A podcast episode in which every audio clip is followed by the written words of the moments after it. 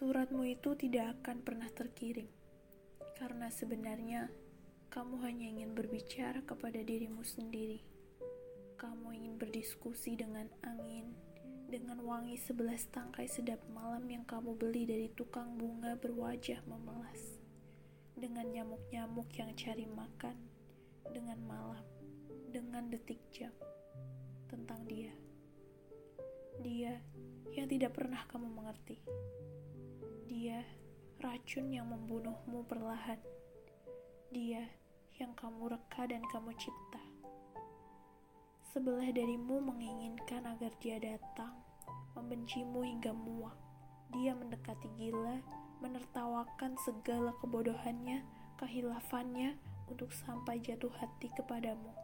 Menyesalkan Megis yang hadir naluriah setiap kali kalian berjumpa akan kamu kirimkan lagi tiket bioskop, bon restoran, semua tulisannya. Dari nota sebaris sampai doa berbait-bait. Dan basahlah pipinya karena asap dan abu dari benda-benda yang dia hanguskan. Bukti bahwa kalian pernah saling tergila-gila, berterbangan masuk ke matanya. Semoga dia pergi dan tidak pernah menoleh lagi. Hidupmu hidupnya, pasti akan lebih mudah.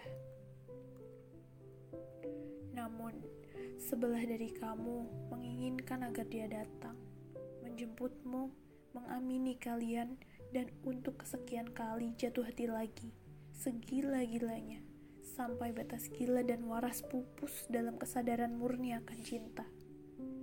Kemudian, mendamparlah diri kalian di sebuah alam tak dikenal untuk membaca ulang setiap kalimat, mengenang setiap inci perjalanan, perjuangan, dan ketabahan hati. Betapa sebelah darimu percaya bahwa setetes air mata pun akan terhitung. Tak ada yang mengalir mubazir, segalanya pasti bermuara di satu samudera tak terbatas. Lautan merdeka yang bersanding sejajar dengan cakrawala. Dan itulah tujuan kalian. Kalau saja hidup tidak berevolusi, kalau saja sebuah momen dapat selamanya menjadi fosil tanpa terganggu, kalau saja kekuatan kosmik mampu stagnan di satu titik, maka tanpa ragu kamu akan memilih satu detik bersamanya untuk diabadikan. Cukup satu. Satu detik yang segenap keberadaannya dipersembahkan untuk bersamamu dan bukan dengan ribuan hal lain yang menanti untuk dilirik pada detik berikutnya. Betapa kamu rela membatu untuk itu. Akan tetapi, hidup ini cair. Semesta ini bergerak. Realitas berubah. Seluruh simpul dari kesadaran kita berkembang mekar. Hidup akan mengikis apa saja yang memilih diam, memaksa kita untuk mengikuti arus agungnya yang jujur tetapi penuh rahasia. Kamu tidak terkecuali. Kamu takut, kamu takut karena ingin jujur, dan kejujuran menyudutkanmu untuk mengakui kamu mulai ragu. Dialah bagian terbesar dalam hidupmu, tetapi kamu cemas. Kata sejarah mulai menggantung hati-hati di atas sana. Sejarah kalian. Konsep itu menakutkan sekali.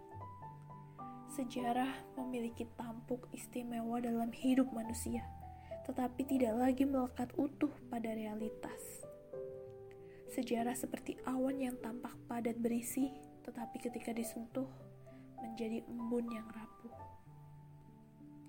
Skenario perjalanan kalian mengharuskanmu untuk sering menyejarahkannya, merekamnya, lalu memainkannya ulang di kepalamu sebagai sang kekasih impian sang tujuan, sang inspirasi bagi segala mahakarya yang termuntahkan ke dunia. Sementara dalam setiap detik yang berjalan, kalian seperti musafir yang tersesat di padang, berjalan dengan kompas masing-masing tanpa ada usaha untuk saling mencocokkan. Sesekali kalian bertemu, berusaha saling toleransi atas nama cinta dan perjuangan yang tidak boleh sia-sia. Kamu sudah membayar mahal untuk perjalanan ini. Kamu pertaruhkan segalanya demi apa yang kamu rasa benar, dan mencintainya menjadi kebenaran tertinggimu. Lama, baru kamu menyadari bahwa pengalaman merupakan bagian tak terpisahkan dari hubungan yang diikat oleh seutas perasaan mutual.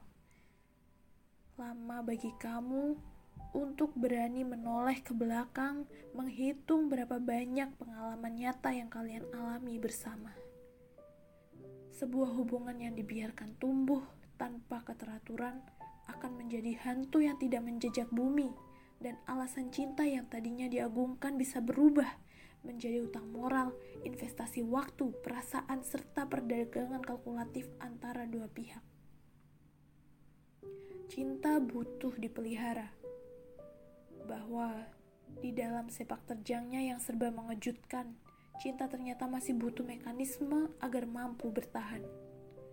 Cinta jangan selalu ditempatkan sebagai iming-iming besar atau seperti ranjau yang tahu-tahu meledakanmu entah kapan dan kenapa. Cinta yang sudah dipilih sebaiknya diikutkan di setiap langkah kaki, merekatkan jemari, dan berjalanlah kalian bergandengan. Karena cinta adalah mengalami. Cinta tidak hanya pikiran dan kenangan, lebih besar. Cinta adalah dia dan kamu, interaksi, perkembangan dua manusia yang terpantau agar tetap harmonis. Karena cinta pun hidup bukan cuma maskot untuk disembah sujud. Kamu ingin berhenti memencet tombol tunda. Kamu ingin berhenti menyumbat denyut alami hidup dan membiarkannya bergulir tanpa beban. Dan kamu tahu, itulah yang tidak bisa dia berikan kini. Hingga akhirnya di meja itu kamu dikelilingi tulisan tangannya yang tersisa.